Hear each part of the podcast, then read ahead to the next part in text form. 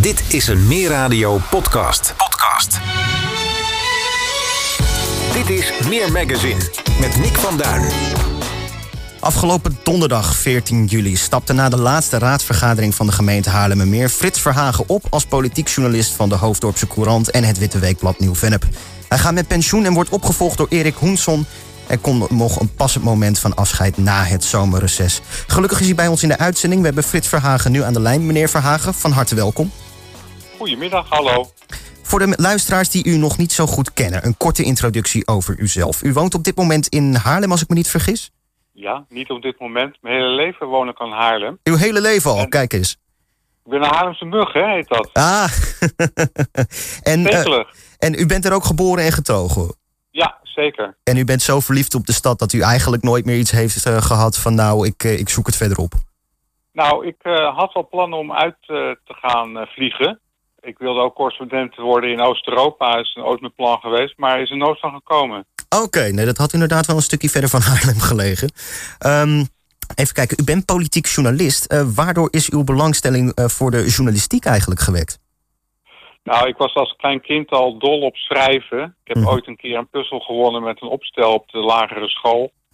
En eh, schrijven was mijn lust en mijn leven. Ik heb ook ooit als kind een, een boekserie geschreven over Jan en Piet. Op in Frankrijk op vakantie. En dus schrijven zit er wel een beetje in mijn bloed. Ja, en eh, wat was uw eerste journalistieke baan? Nou, ik ben eigenlijk eh, begonnen bij de Hoofddorpse Courant. Oké, In de jaren 70 eh, was een collega van mij van een verzekeringsbedrijf in Amsterdam.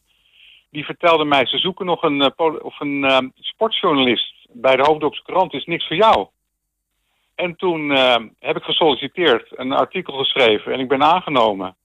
En toen ben ik tussendoor eh, naar de school voor de journalistiek gegaan in Utrecht. Mhm. En eh, daarna ook weer teruggekomen bij de Hoofddorpse Courant. En dat gecombineerd met allerlei andere journalistieke taken en functies. En nou, zo is mijn journalistieke carrière begonnen, zeg maar. Ja, want u heeft inmiddels best wel wat op uw naam staan. Eh, onder andere een aantal interessante samenwerkingen. Uw echtgenote is namelijk ook journalist, als ik me niet vergis, Janine Verhagen. Ja, En u heeft wel eens samengewerkt, als ik het goed heb vernomen. ja, wij werken al heel lang, lang samen. We hebben een tekstbureau. En inmiddels is onze zoon ook toegetreden tot datzelfde tekstbureau. Ferme En tekst, als ik me niet valt vergis. niet ver van de boom, want hij is eh, politiek verslaggever eh, van de gemeenteraad van Haarlem. Ah, En werkt ook ons, bij ons mee in ons, eh, in ons tekstbureau. en dat tekstbureau is Ferme Teksten, als ik me niet vergis. Ja, klopt. Eh, en u heeft het net al over uw zoon Joost, die inderdaad eh, in uw voetsporen treedt. Gaat hij het grote familiebedrijf overnemen of kan u zelf ook nog ingehuurd worden? Nou, voorlopig blijf ik in ieder geval nog wel meewerken, maar wel op wat mindere basis en een tandje minder. Want inmiddels heb ik mijn pensioengerechtigde leeftijd bereikt, dus ik kan niet meer zo hard hollen als ik eh, ooit gedaan heb. Ook een goed punt. In de 18 jaar eh, verslagging politiek nieuws eh, heeft u ook de groei van de gemeente Haarlemmermeer meegekregen. Wat is u van al die jaren het meeste bijgebleven?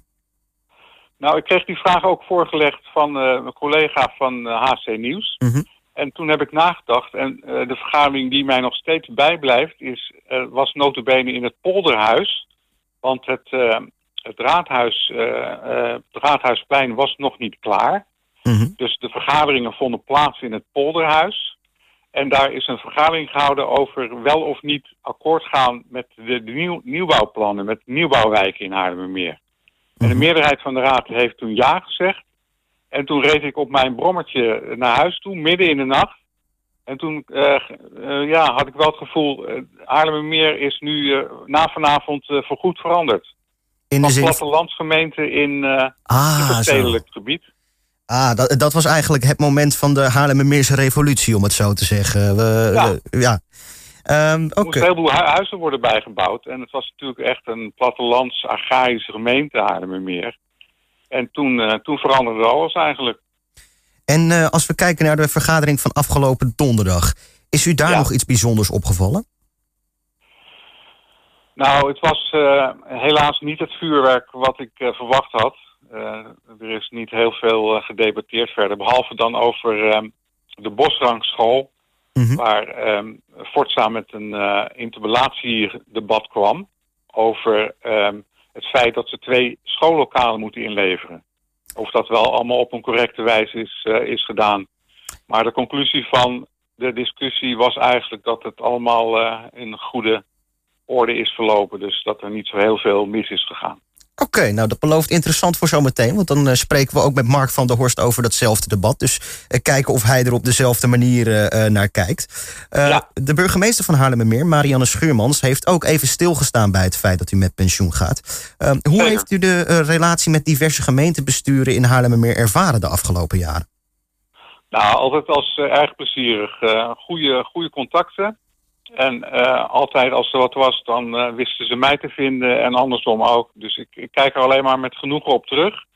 Ik heb zelf ook burgemeester van Stam ooit meegemaakt. Mm En uh, niet, weliswaar niet als politiek verslaggever, maar ik kwam wel eens bij de raadsvergadering in die tijd. En dat was echt een burgervader waar je tegenop keek. Bijna letterlijk, want het was ook een hele lange man.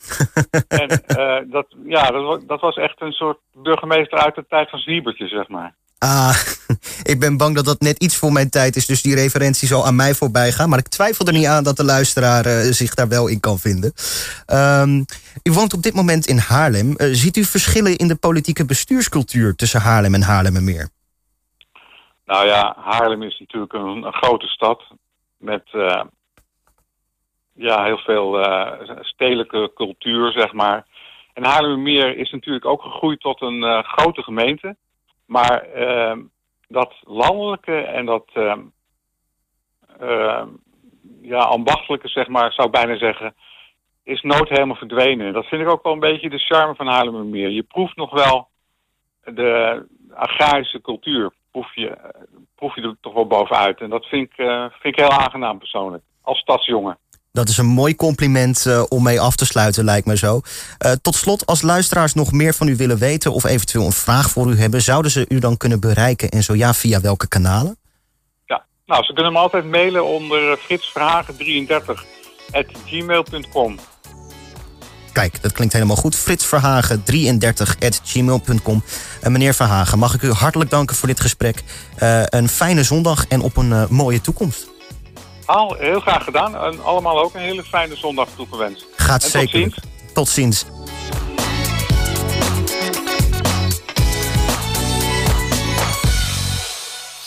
Meer magazine, meer radio, Haarlemmermeer.